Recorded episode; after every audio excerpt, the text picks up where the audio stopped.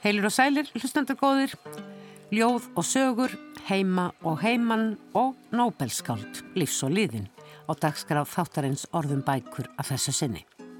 Í tættunum verður rætt við Þórdísi Richardsdóttur sem senkt á síðasta ári sendi frá sér sína þriðju ljóðabók eins og í Kviksjá. Fyrsta ljóðabók Þórdísar, Ljóði lausaleg, kom út árið 1976, 25 árum síðar svo næsta úr bláu tjaldi og nú svo þriðja en saman mynda bækurnar þrjár eins konar ljóðæfisögu þórtísar sjálfrar á samt sannarlega líka fleiru. Þá segir Tómas Ævar Óláfsson okkur hér á eftir frá nýjasta handhafa bókmyndaveluna Nobels Abdul Razak Gurna sem upprunnin er í Zanzibar, nú Tansaníu, en hefur alls sín fullorðins ár verið háskólakennari í Breitlandi, auk þess að skrifa skálskap. Og Tómas Ævar segir líka frá nýjustu bók Gurna, Afterlives, eins og hún heitir á ennsku. Við byrjum hins fyrir á öðrum handhafa bókmyndavælunar Nobels sem er okkur flestum ágæðlega kunnugur Haldur Lagsnes fjekkju þessi virtustu bókmæntavelun heims árið 1955, þá 53 ára gammal. Á degi bókarinnar, síðan framt er fæðingadagur skálsins, 23. apríl næstkomandi, verða því liðin 120 ár frá fæðingu hans og lektorar í íslensku við háskóla við Svegarum heiminn ákváðu að því tilefni að efna til nokkus konar keppnisleiks. Við heyrum í einum hugmyndasmiðana reyni Egertsinni lektor í íslensku við háskólan í Helsingi eftir augnablík.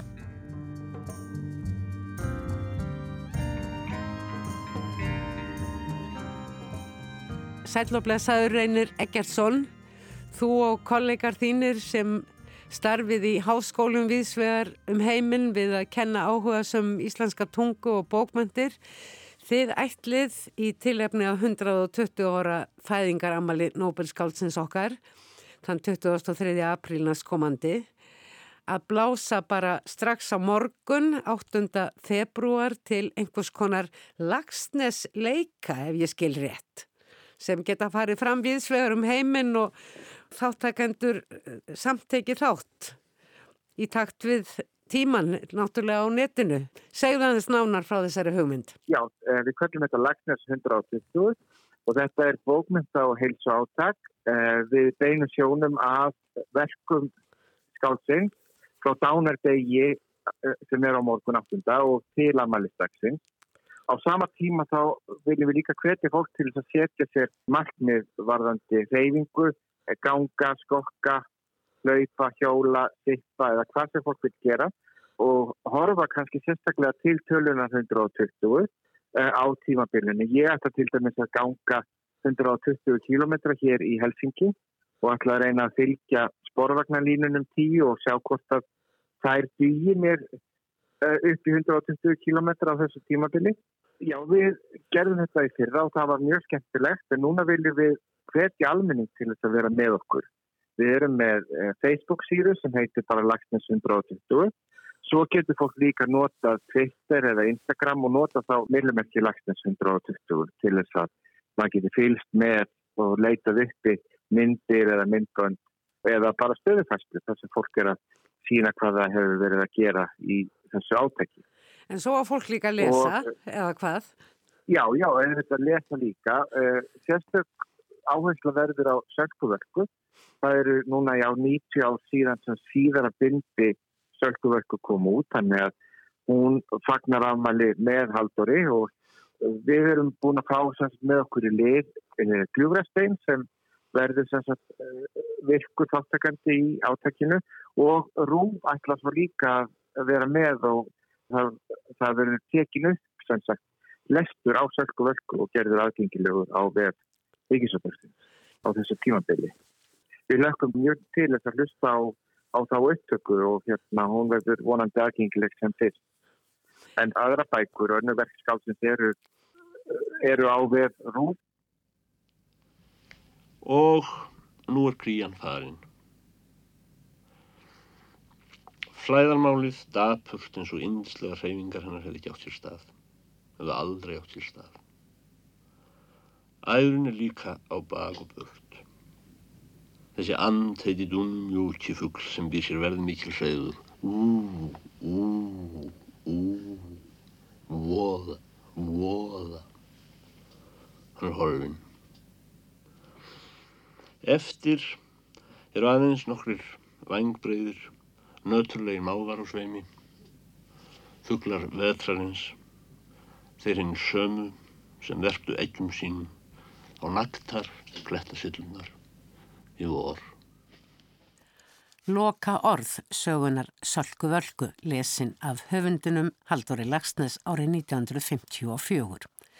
Aðeins síðasti kapli sögunarnum Sölku Völku er varveittur í safni Ríkisútvarsins og því engar gleðilegt að nú í tilefni 120 ára fæðingaramælis skáldsins og 90 ára útgáfu afmælis Sölku Völku skuli áformaða hljóðrita söguna í heild.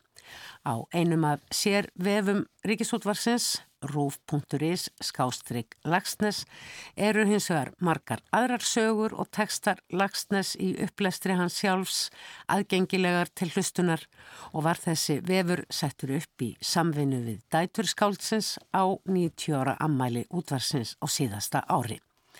Upplestur á verkum Halldórsens og auðvita líka, algengilegur á ýmsum efnisveitum og á ýmsum tungumálum, þannig að auðveld ætti að vera að tvinna þetta hvortvekja saman, hreyfingu og bókmentir hvar sem er í heiminum. Og síðan í lokin að þá sagt, verður látið til hátíðar hjá með glúrastein og það verður sagt, eh, ganga frá Móselskirkju að glúrasteini klukkan 10 lögadaginn 23. apríl en það verður semst auðlýst betur þegar nært drefur og allar upplýsingar verður að finna einmitt á heimasíðinu okkar á Facebook, altså eh, 120 og síðan á veð Gljúfrastins. Þú myndist á að þið hefðu gert þetta líka í fyrra, voruð þið þá með töluna 119? Þá voruð við með Lagsnes 119 og hérna þá gekk ég 119 götur hérna í Helsingi á þessum, þessum tíma. Það var ímislegt sem fólk barndúsaði þetta og þá voru þetta aðarlega við íslensku kennararnir í útöndum og nefnendur okkar. Og við erum sem sagt 15 eh, sem erum á þessum póstrista en samkvæmt upplýsingum er íslenska einhverju leiti kend stundum eða að staðaldri við 90 háskóla í heiminum, annars fyrir utan Ísland. En það er ekki margi sem bjóða upp á kannski stöðu eða eða háskólagráður í íslensku. En það eru talsett að maður hugsa til þess að, að við vorum með menningaviðbyrð á netinu 2019 um haustið og þar, þá voru um 130 þáttakendur, nefnendur okkar og kennara. En þannig að ég býst við að það sé svona einhvers starf að bylinu með kringum 2-300 nefnar sem var hverju sinni eru í einhvers konar íslensku námi í nútíma íslensku við Erlenda háskóla. Já, þetta er aðalega nútíma íslenska, þetta er ekki bara forbókmyndir. Þetta er nútíma íslenska, ekki þess að það er að stunda forbókmyndir þó að auðvitað sé ákveðin skörun á milli hópan. Mm. Þetta er fólk eins og hjá okkur hér í Helsingi sem er uh, að stunda norræn tungumál og til mín koma líka oft nefnar í þísku og rúsnesku en sem, sem skildun á mér þetta hluti að ef maður ætlar að uh, taka háskólamöntun í sænsku og sænskum bókmöntum og norsku og dönsku fyrir þau sem eru í tungumálanámi þá er eitt námskið íslensku skilda og fyrir þau sem eru í bókmyndanámi er eitt bókmyndanámskið þar sem íslenska bókmyndir komið sögu. Og er Lagsnes ennþá svona, já, hvað ég segja, kjarnin í okkar bókmyndum þegar það kemur til útlanda? Já, hann er náttúrulega oft svo fyrstu sem er týpur og þannig að hann í raun og veru myndar hortstæðinu af íslensku nútíma bókmyndum í allavega minnikenslu Við lesum hérna einmitt núna í februar sölku völku, þannig, þannig að við blöndum þetta að blandast allt og rætt saman hjá okkur og síðan uh, við erum svo heppin að það er alltaf meira og meira títt, þannig að það eru nýði og nýði bókmyndir sem komast að. Það er erfið að styrjun að vera tímabilið til svona 1980, 1990 og, og þá er í raun og veru lagsnes aldrei mikið gegnum gangandi einna fáum sem eru dýttir á sænsku eða norðurlendamáli. Og síðan koma en, nýjar bókmentir sem kom út á íslensku eftir 1990 fara þær í auknumæli að koma út í þýðingum á norrandungumál til dæmis. Já, mjög aukinn aukna þýðingar og það náttúrulega er að hluti til skila sér einmitt íslensku kjænslan við erlenda háskóla. Stór hluti að, að okkar nefnum er í raun og veru kjarnin í hópi þýðenda sem svo starfa við það að koma bókmyndunum okkar á framfæri eh, við erlenda lesendur. Þannig að þetta er mjög mikilvægur hluti af okkar menningu að ástunda þessa íslensku kjenslu í útlöndum og eru er flesti sendikennararnir Íslandingar? Það eru ekki marga sendikennarastöður eftir. Þetta eru mest orði fasta stöður við háskólana en jú, það eru líka heimamenn á sömum stöðum til dæmis kollegi minn í Vínaborg, Eleonora Guðmundsson, hún er östurísk og svo sem kennir í Winnipeg í Kanada hann hérna, PJ, hann er Kanadamadur, ekki þó vestur Íslandingur en fekk áhuga á íslensku í, sínu háskólanámi. Þannig að það er bæði og, en langt flest okkar eru kendingar.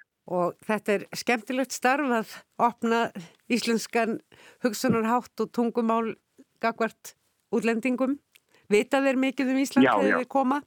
Íni svona finsku nefnar veit ekki, yfirleitt ekki mikið um Ísland, en meira og meira, Ísland fær meira og meira pláss í umræðinni hérna, en við erum látt í burtu landfæðilega og þekkingin er kannski ekki djúbstæð, en, en áhugin er fyrir hendi hjá, hjá þeim sem koma yfirleitt til minn í námskeiðin, sko og þú ætlar að byrja á morgun á að ganga með frá línu 1 í sporvagnarkerfinu í Helsingi. Ég ætla að byrja bara, ég byrja mitt við línu 1 og 3 og 8 og þannig ég ætla að byrja á línu 1 og hérna bara hann, hann allavega í aðra áttina fyrst og hinn áttina síðan og síðan bara held ég svo áfram og vona að ég verði búin með allar tíu línutnar þarna í 23. apríl. Og, og hvað einsettur þið að lesa? Þetta getur fylgst með mér á, á, á Instagram allavega. Ég hérna þarf auðvitað að lesa, lesa svöktu vökku en, en ég ætla líka að lesa gestur. Ég er með doktorsnema sem er að vinna með fóstræðarsög og mér finnst tilvæglega að ég lesi gestur svona í því samfengi. Það er á nóga að taka í höfundarverki lagsnes. Já, nóga nó bókum og, og ekkert einn. Nákvæmlega. Reynir Eggertsson þakkaði kellega fyrir og bara góða skemmtun og, og, eh, og fram til hreisti og lesturs. Já, takk fyrir það.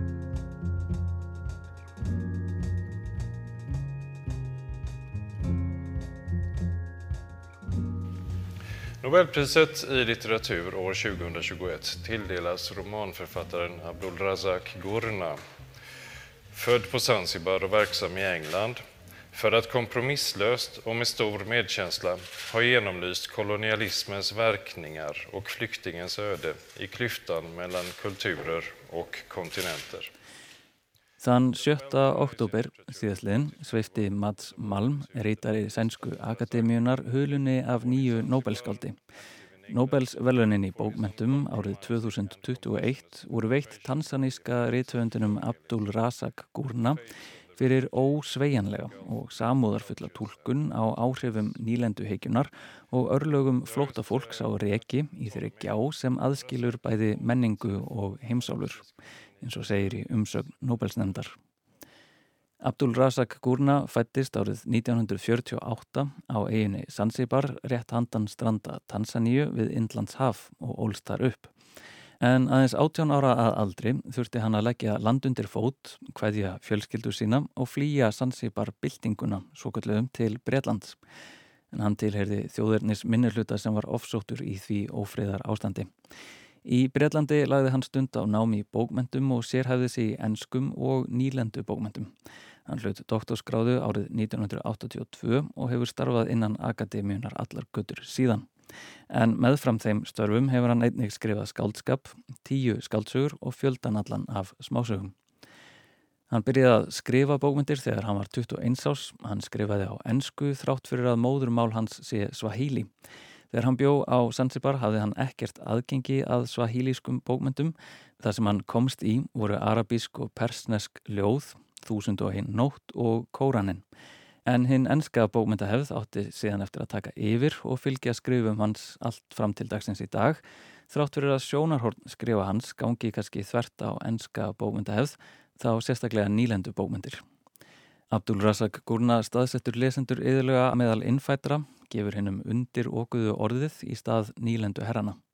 Bækur hans fjallagjarnanum manneskjur sem upplega sig fastar í hættulögum og óréttlátum aðstæðum eða jafnvel í undartekningar ástandi flótamannsins. Persónu samsend þeirra er brotakend, stólpar tilveru þeirra sundraðir, einangrunin og einmannalegin sem fylgir flutningum frá samfélagi sínu eru í forgrunni sem og merking hugtagsins heimili eða að eiga heima. Í byrjun desember 2021 byrtist Nobelræða Abdul Gurnam á vefsiðu og við skulum gefa honum orðið og heyra hér upphafið að ræðinni. Writing has always been a pleasure. Even as a boy at school, I looked forward to the class set aside for writing a story or whatever our teachers thought would interest us more than to any other class on the timetable. Then everyone would fall silent, leaning over their desks to retrieve something worth reporting from memory and imagination. In these uh, youthful efforts, there was no desire to say something in particular, to recall a memorable experience, or to express a strongly held opinion, or to air a grievance. Nor did these efforts require any other reader than the teacher, who prompted them as an exercise in improving our discursive skills. I wrote because I was instructed to write, and because I found such pleasure in the exercise. Eins og heyram á leggur Abdul Razak Gurna áherslu á skrifin sjálf í Nobelræðu sinni. Hann byrjar á að rifja upp þá miklu ánægu sem hann uppliði í skóla í þeim tímum sem lagður voru undir rillist. Í þeim tímum lág þögn yfir kjenslustofunni og samnefndur hans beigðu sig yfir skrifborðin sín og reynduðu að sækja eitthvað úr minni sínu eða ímyndunarafli sem var þess virði að skrifa neður. Á þeim árum fann hann ekki til sterkrar laungunar til að segja eitthvað sérstakt eða annála einhverja minningu eða koma einhverju sterkri skoðun á framfæri hvað það á að gefa gremjunni útrás. Eini lesandin sem þurfti að taka tillit til og skrifa fyrir var kennarin sem lagði verkefnin fyrir í æfingaskinni. Á þessum tíma skrifaði Abdul Razak Gurna vegna þess að honum var sett það fyrir og vegna þess að honum fannst æfingin ánægileg. Í Nobelræðinni verður þetta hins vegar þungamiðjan, spurningin hvers vegna hann skrifi og hvernig tilgangur skrifana breytist með aldrinum. Þegar hann var ungur að árum segist Abdul Razak Gurna hafa skrifað í beitni línu eða í eins konar belg og byðu. Skrifin híkuðu ekki og kröfðust lítilla leiðrættinga af hálfu höfundar.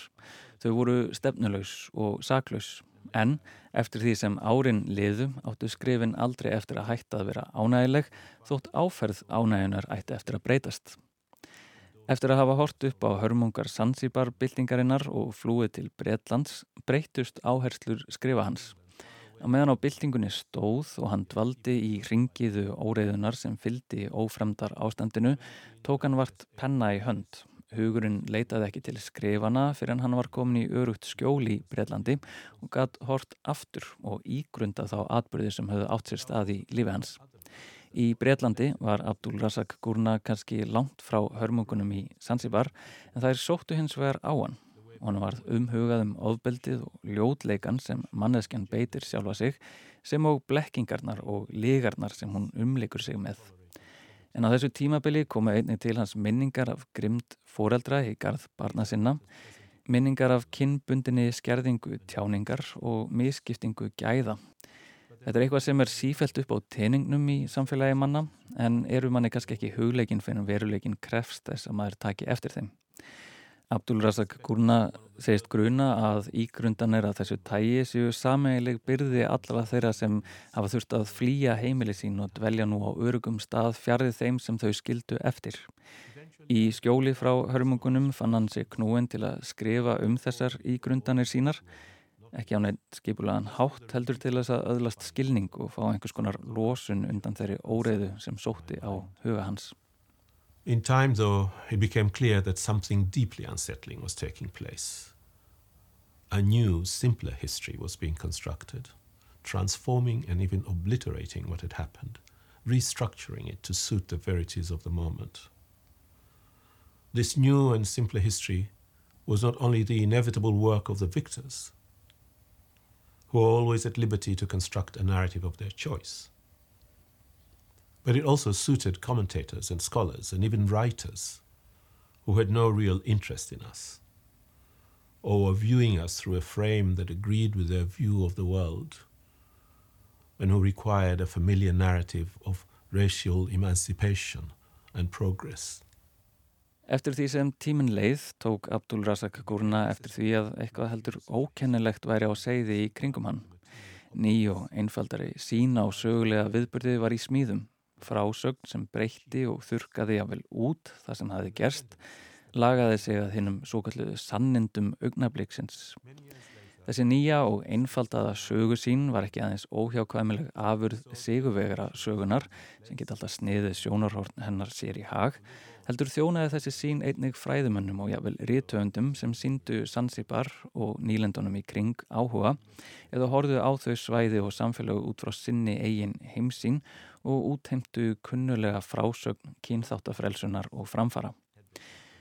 Í þessu andrumslofti fann Abdul Razak Gurna hjá sér ríka þörf til að andmæla þessum sannendum augnabliksins og þeirri nýju og einföldu sögur sín sem var í smíðum. Skrif hans fór að snúast um að varðveita það sem áður hafði verið, að endurheimta augnablik, lífsín og sjálfsþekkingu þeirra sem áður byggðu löndin. Honum fannst nöðsynlegt að skrifa um ofsóknirnar og kvalirnar og um sjálfshilli leðtóna sem honum fannst að reynd væri kerfisbundið að stróka út úr sameinlegu söguminni. Hann vildi leggja áherslu á þá rótæku breytingu sem nýlenduheikjan hafði á líf fólks. Ekki bara fólksinn sem mistu heimili sín, heimalönd sín, líf sitt, heldur einnig þeirra sem sluppu, næstu kynnslóðir, þeirra sem ólist upp með skugga nýlenduheikjunar yfir sér. Átökin í heimalandinu fyldu ávalt flótanum. Fyrirbarið utanaðkomandi flótamaður er nefnilega hluti af sjálfsmynd samfélaga, bæði í sögulegri sín en einni í almennri umræðu. Það afhjúpaðist fyrir Abdul Razak Gurna í gengdarlausum kynþáttabröndurum í sjónvarpi í Breitlandi, fjandsamlegri framkomu í búðum, í strætisvögnum og vinnustöðum. Abdul Razak Gurna uppliði sig máttlítinn til að breyta viðhórum þessa samfélags en eftir því sem læsi hans á stöðu sína jógst því sterkari varð þörfin til að skrifa gegn þessari sjálfumglöðu heimsín. En skrifin eru ekki aðeins baráttumál og ádela við kennir Abdul Razak Gurna í ræðu sinni. Þau eru margræð en snúað mestu um líf manneskunar. Skrifin geta sínt okkur það sem hefð kalda auga drottnarans yfir sest, hvernig lítilmagnin getur upplifað sjálfsöryggi þrátt fyrir fyrirlitningu annara. Húnum fannst mikilvægt að skrifa um þetta og gera það af heilendum til að afhjúpa bæði og ljótleika hverjar mannesku, það sem einfaldar stereotýpur kæfa. Þegar það tekst fæðist ákveðin fegurð upp úr skrifunum. So I found it necessary to write about that as well and to do so truthfully so that both the ugliness and the virtue come through and the human being appears out of the simplification and stereotype. When that works, a kind of beauty comes out of it. And that way of looking makes room for frailty and weakness, for tenderness amid cruelty, and for a capacity for kindness in unlooked for sources. It is for these reasons that writing has been for me a worthwhile and absorbing part of my life. There are other parts, of course, but they are not our concern on this occasion. A little miraculously, that youthful pleasure in writing that I spoke of at the beginning is still there after all the decades. Let me end by expressing my deepest gratitude to the Swedish Academy for bestowing this great honor on me and on my work. I am very grateful.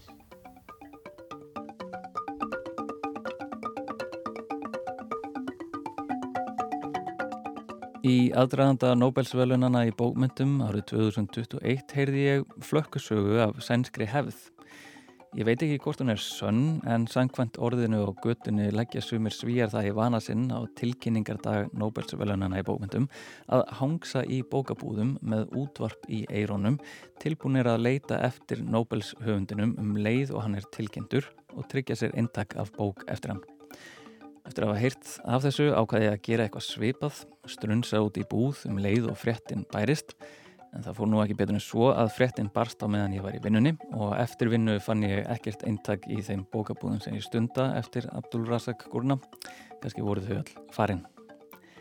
Þar á leiðandi strandaði leit minn í einhver tíma þar til ég rakst á eintak af Afterlives, nýjustu skáldsögu Nobel-skáldsins í bóksölu stúdenda. Ég tók hana umsögulegst heim og hóf lestur.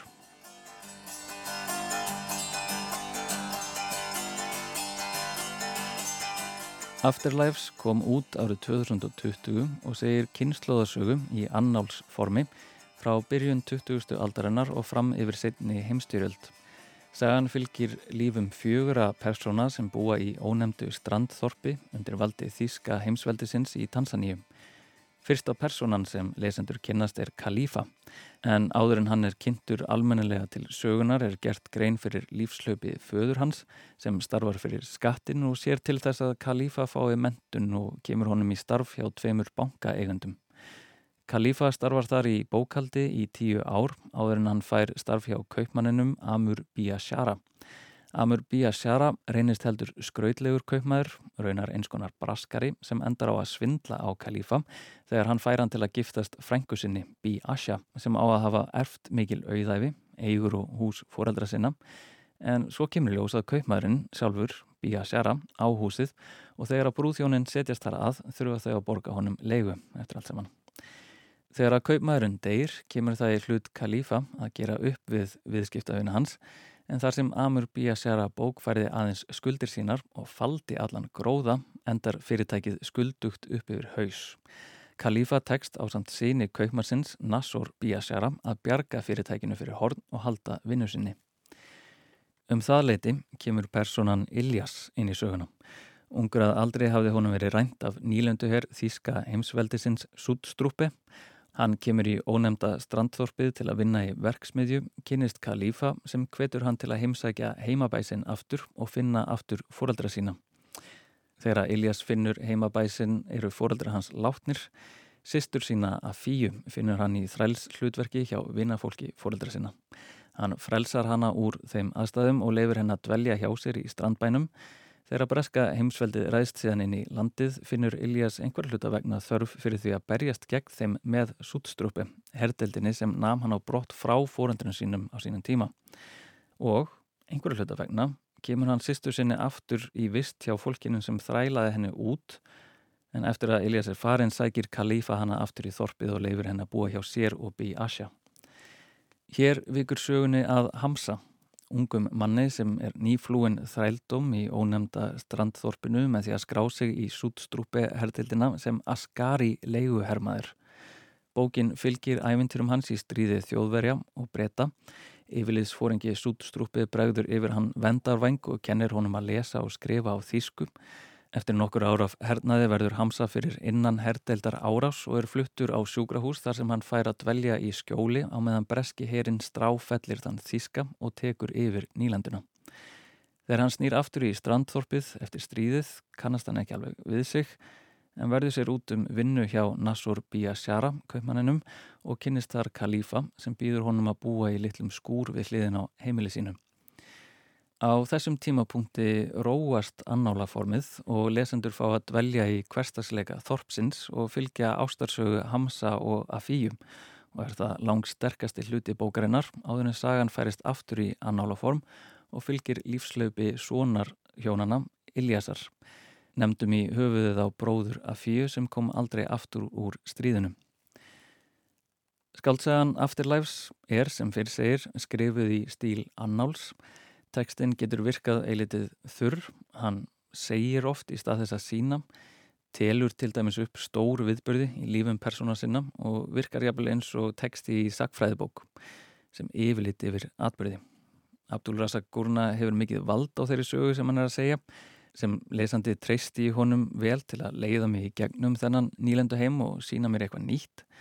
Þó hefði ég kannski viljað komast nær lífum persónum bókarinnar en tekstinn leiðið mér. Skáltsagan kemur samt heim og saman við efni Nobelræðu Abdul Razak Skurna. Personar hennar ljúa og svíkja hver aðra. Þær taka þátt í vægðarlausu ofbeldi nýlendu heimsveldana sem herja á lönd þeirra.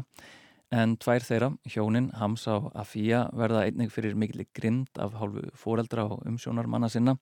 Hann er seldur í þrældum og hún sett í vist sem þrælar henni út. Persónu samsemt þeirra er sundruð. Hamza veit ekki hverjir fóreldra sínir eru, man ekki hvar hann var nákvæmlega sem þræll og bert sem hermaður fyrir hersveit sem rændi land forvera hans. Iljas hefur einnig svipaða sögu hafandi verið rænt af sútstrúpi herdildinu og flúið hennar en snýr síðan aftur til að berjast og jáfnvel deyja með henni. Þannig er ekkert svart og kvítt og höfundur æðir inn á þetta gráa svæði hotlustu nýlendu þegnana. Personunar eru tilbúinar að berjast fyrir nýlendu herra sína en þegar stríðinu er tapað taka personunar breytum ekkert illa og eru raun bara fegnar að stríðið sé búið. En undir öllum þessum átökum eða í skjólinu frá þeim fá personuna síðan rými til að anda, vinna og dapna. Það er læra að lesa og skrifa, verða ástfangnar og fá giftast þrátt fyrir eignaleysi og slæmar stéttastöður sem lesandi upplifum var litla sigra, einkennilegar ákvarðanir, digðir og ljótleika. Í bókinni Afterlives ræðist Abdul Razak Gurna með skáldskapnum gegn þeirri sögur sín sem heimsveldin hafa í árana rás reynda að snýða að sér með því að innfalda frásagnir og gera saklausari og jável með því að klappa sjálfum sér á bakið fyrir að hafa komið siðmenningu til frumstæðari þjóða. Afterlives sínur okkur að aðstæður á svæðinu voru munflóknari og grári.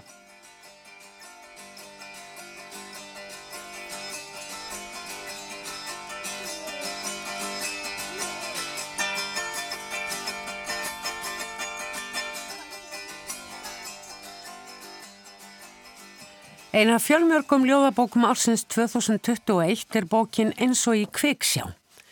Það var ekki beint nafnið á þessari bók sem fangaði mig, sem þó er áhugaveikjandi, heldur fyrst og fremst nafn höfundarins, Þordís Richardsdóttir.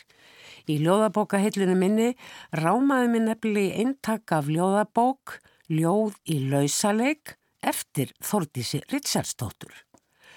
Bók sem Ég hafði ekki leitið í lengi en hafði á sínum tíma höfða stert til mín.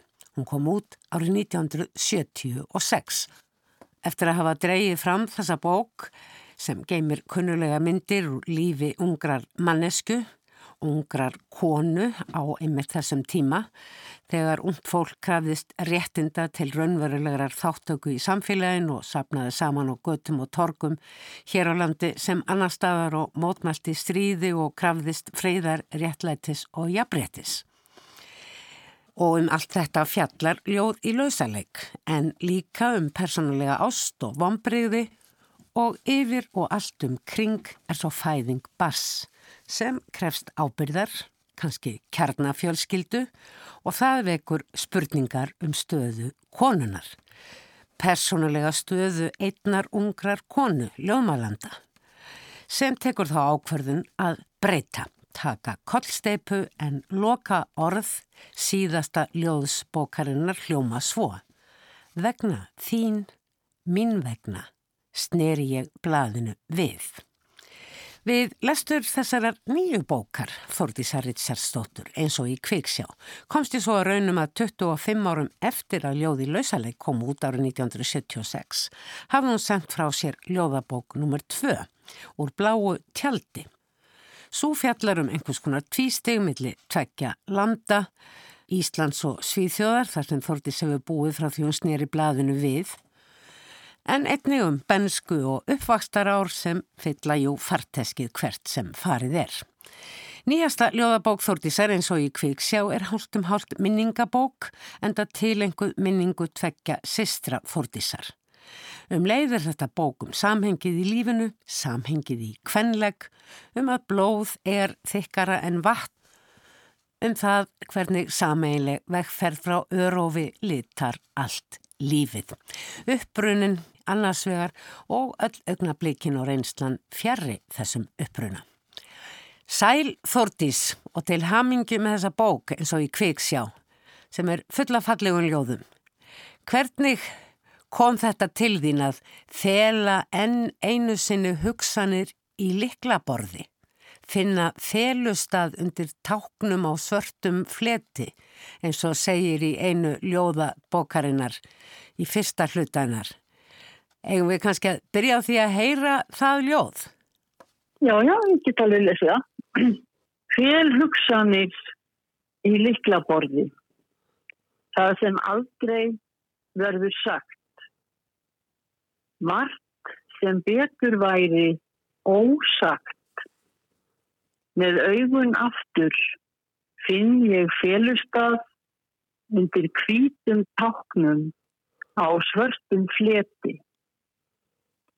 Einráð á listaborðinu nema fingurnir að keipa því að dansa vínarvals orðana í kjól og kvítu. Takk fyrir. Segðu mér, þegar maður lítur á höfundaverkið þitt og þá er ljóst að það líður langur tíma á milli bóka hjá þér. Ertu Já. annars alltaf að yrkja eða opnast þessi ljóð æð svona þegar mikið liggur við? Sko, það má segja þetta sé svolítið eh, á báða vegu en það hefur verið mísjart. En núna er ég yfirleitt alltaf með einhverja texta í myndu. En á tímabili þegar ég var svona frekar nýfluttingað út þá, þá fannst mér sænskan tak, taka svo mikið blás í höfðinu. Ég vært verða að hafa máluðs bara á, á hérna móðumálnu og það kom þarna einhver klíja. Það er dálítið treyji í þessari bók eins og í kviksjá. Hvað segir þið? Treyji? Já. Í rauninni sorg. Heimkoman til Íslands virðist æfilega blandin einhverju eftir sjá en svo er aukin heldur í þeirri sögu sem þeir sögði í þessari bók. Þá ertu komin til að kveðja kæra sýstur sem að verður til þess að þú fær svona að hugsa eða ljóðmælandi fyrir að hugsa um eigin stöðu í lífinu. Það eru liðind áttu mörg ár frá því að sýstum mínar létust og ljóðin þær hafa nú verið svona í tölvinni og í möttum áttu langan tíma. Svo las ég bókina Jóns Kalmans, að þínir virkur og þá var ég reynda komin með þetta handrið svona nokkuð tilbúið og búin að senda það með þess að til útgefanda en enginn hafi nú tekið handriðið að sér og ég var svona á báðum áttum en ég var fyrir svo miklum áhrifum af bókinu hans, minn fannst hún vera áminningum að láta ekki þessar konur, sýstu mínar, falla í glemsku. Ég er ein eftir sem upplýði æskokkar. Eigum við ekki að fá ljóð úr þeim kabla. Hann er nú frekar stuttur en afskaplega viðfæðmur og fallegur því það er bæði núið og uh, benskan núið sem er erfitt en benskan sem varpar gleði Já. úr fortíðinni Já. og inn í aðstæðunar. Og eiginlega af því að það voru tvær, þá, þá var ég búin að hugsa mér að lesa hitt ljóð sem er eiginlega tílenga, sem sagt, sem sagt tvö ljóð, skilur við. Ég les þau þá. Já, Þá kemur hér fyrst, eh, þegar við vorum börn, gerðum við allt saman. Ég gætti þín, þú gættir mín. Klættar eins og tvíburar vildum skipta öllu jamt, því góða og einnið hínu sem ekki reyndist jafn gott. Frammi fyrir örlögum þínum vildi ég við værum aftur litlu tvíburastelpunar, gætum skipt, þó mig skorti þór, óréttlætinu, jamt á millokkar. Þund lag af reiki yfir gluggakistum. Hvert fórstu? Littlu hlutirnir býða og hefur séð þetta dauða blóð. Bollarnir í eldúsinu þurrbrjósta. Þú dansar ekki um gólf, speillin gapir tómur. Ég geng milli herbergja, finn þig, hvergi. Þú sem áttir að fá þennan bústna engil með sérstakri hverju. Hann sest að í stofuglugga býður, uns þú kemur og ferðum hann höndum. Þrátt fyrir að Þórdísi væri mikilvægt að halda vel utanum minningar um sýstur sínar, þá þótt henni það ekki efni í heila bók. En það átt hún í ymsum möppum, önnur ljóð um aðrar konur sem henni þótti verðt að minnast. Formæður, móðurinn mína hennar uppkverfi og svo mömmu hennar hlutskipti. Þessi bók skiptist í þrjá kabla. Hér á ég heima sem er heimkoman og, og, og ljóðmælendur svona máta sig við þetta umhverfi sem að einu sinni var heimkinans en þá var hann líka, ljóðmælandin þar að segja, var önnur manneskja. Nú hefur tíminn leiðið og, og ljóðmælandi búin að vera lengi frá þessu umhverfi, kallar jáfnvel annar land sitt heima og síðan er annar hlutin er herbergi gleðu og sorgar sem að hverfist um dánarbeð sýsturinnar og fráfall. Þeirra, það voru tvær. Já. Það voru tvær. Og svo tekur þetta svona svolítið saman lífið í síðasta kaplanum sem er, ef ég mann rétt lengstur, ringurinn þrengist, þar sem þú ert svona að gjóa augunum hvað sé framundan og, og, og þar er sögusviðið aldrei vitatorg sem er ju svona miðstuð eldri borgar ekki satt hér í Reykjavík. Það er náttúrulega sko hérna umhverfi og hlutskipti móðu minna sem er á tíraði saldri og býð þar. Ég hef verið þar mikið og kynst fólki og, og mjög svona markbróknum personuleikum. Þannig að í rauninni er ég svona að reyna að lýsa lífi fyrra öldunga eða hvað maður að segja í því umhverfi. Ljóða æðin hefur ofnast þarna innan um þetta fólk sem hefur kynst þar. Þó að það sé stundum trega blandið að koma til Íslands þá fæ ég alltaf aukin innblástur um leið og ég kem. Það gerir náttúrulega nálæðin við tungumálið og, og umbrótinn og deglan og það er alltaf eitthvað svo mikið í gangi á Íslandi og mikið nöytna hlusta á tungumálið, hlusta á fólki í stræt og í heita pottinum og, mm. og þá kemur einhver kraftur í, í, í skrifin finnst mér. Þetta konsept með þrískiptingu bókarinnar, kom það fljótt eða var það svona ákveði mósæk sem varst að púsla við lengi? Já, það, það má nú segja að það hefur tekið sér tíma en samt var eitthvað eins og ljóðin fær að rafa sér í þessa kapla, það voru fjórir kaplar í byrjun. Ég var komin eða með rítstjóraðum og segja Anton Helgi Jónsson hafi svona gengt hlutverk í rítstjóra, hann var yfirlesari fyrir mig á samt leirum og ég fór að hans ráði og tók þann kapla í burti fórnaði honum. Þú nefnir Anton Helga, þeir voru jú svolítið samferða þarna alveg í byrjun á áttunda áratögnum. Ég og einmitt líka ljóðabók eftir Anton Helga frá þessum tíma og það er svolítið Já. fyndið að taka þessar bækur í hendur. Hvernig finnst þér að, að taka á þessari bók til dæmis eins og ljóði lausaleik sem að ber einhvern veginn tíman í sér bara með því að þreyfa á henni pappirinn og uppsetningin, Já. allt með hástöfum og svo framvegis? Jú, mér finnst vænt um þessa bók og ég hugsa bara um hvað ég var ung og hvað þetta var sérstaklega tími og, og svo mikið að gerast í, í þjóðfélaginu og engalífinu. Það til dæmis hvenna frítagurinn í oktober 75, þar var ég með og, og las upp ljóð og, og flytti með þessi að frumsami lag í tilöfni dagsins sem hér hvar eftir félagi kona og Bríett heitning hér stóttir leikona fekk með þess að syngja það svo í útvarpið um kvöldin. Í dag var við á opið hús í Reykjavík eins og allir.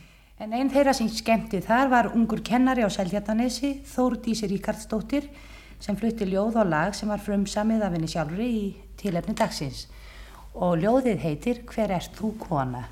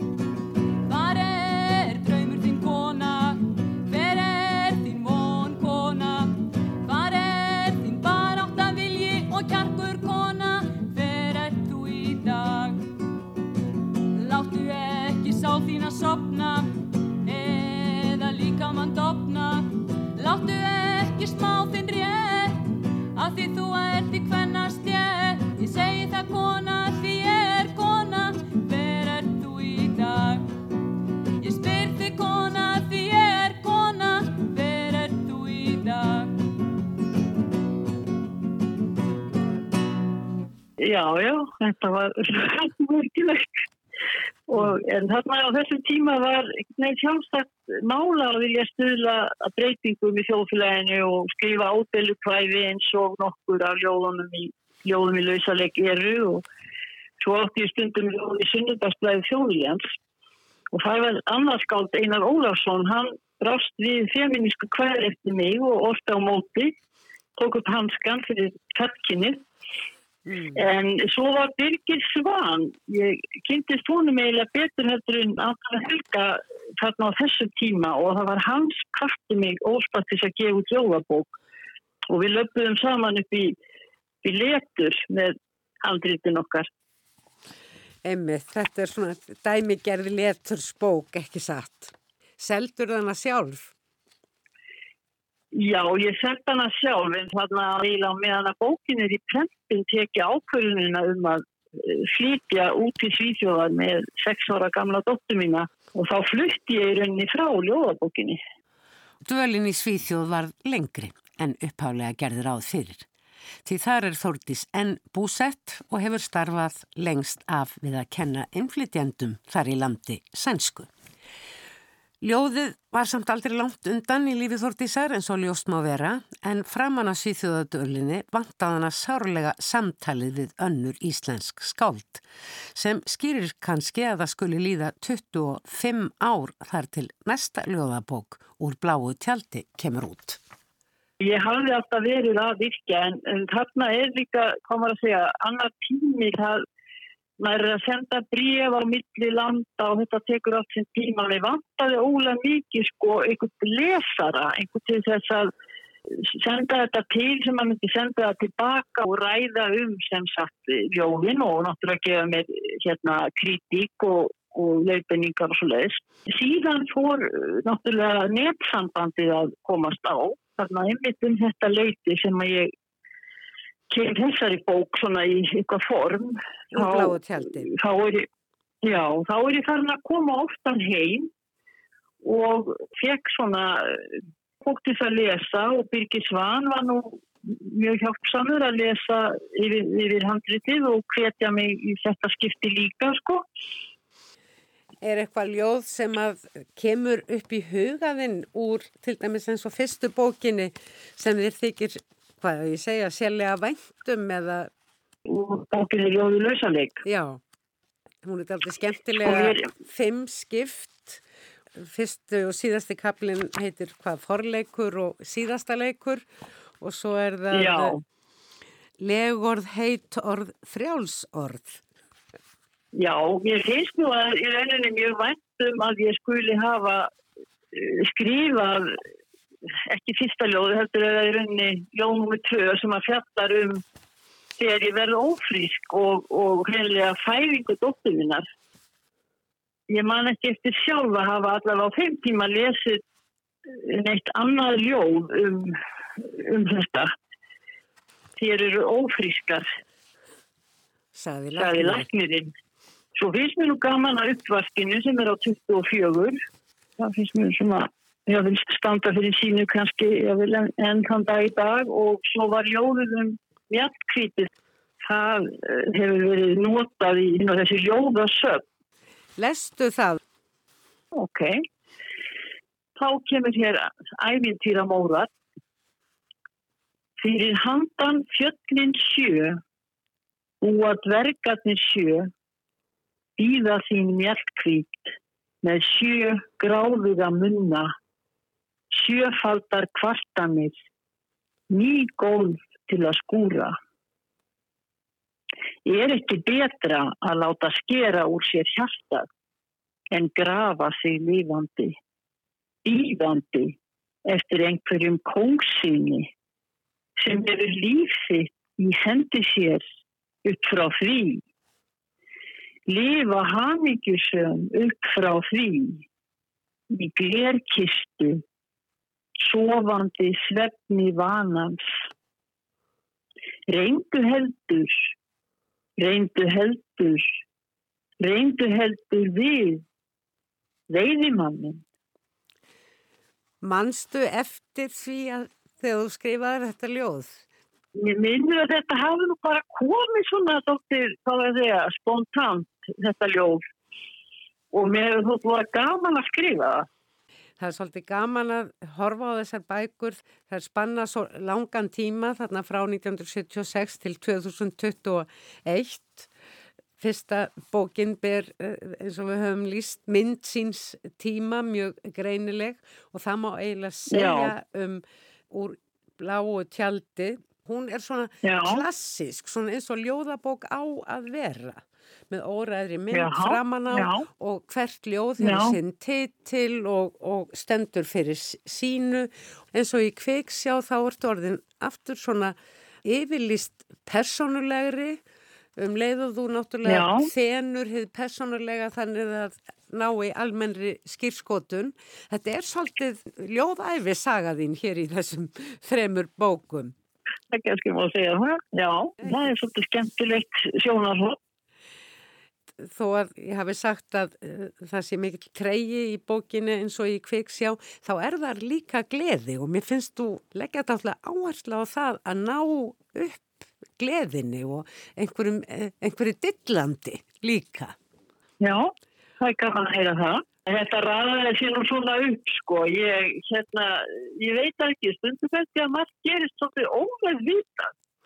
En, en eh, jú, að því ég hafði nú ekki viljað enda svona frekar í dúr heldur en í mól, um að segja þessu svo. Þórdís Richarddóttir til hamingju með ljóðabækurna þínar allar og ekki síst náttúrulega þá nýfstu og yngstu eins og í kviksjá og ég gerir svona frekar ráð fyrir að við megum alveg eins eiga að vona á einn ein í viðbót áður en yfir líkur. Við vonum það. Þakka þér fyrir. Fleiri verða orðum bækur ekki að þessu sinni. Tæknimaður var Georg Magnússon, nýr þáttur að vanda að viku liðinni. Takk fyrir að hlusta hér og nú, verði sæl.